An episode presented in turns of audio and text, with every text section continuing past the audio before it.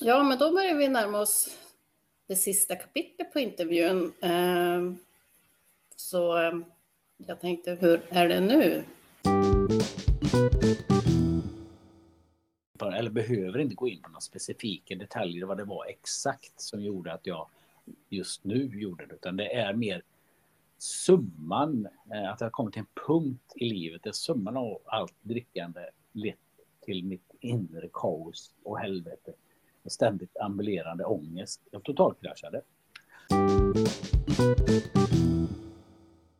Jag är lite intresserad av, ehm, jag vet ju att du 2015 tävlade i bodybuilding. Hur kom du in på den banan? Hur tänkte du där? Ja, ja det är ju helt crazy.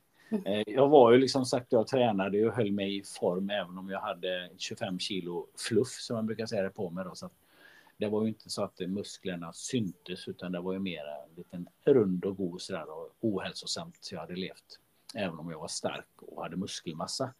Men så var det nämligen så att en, en kompis till mig men det, ett av de viktigaste besluten jag tog just då, det var ju att be om hjälp.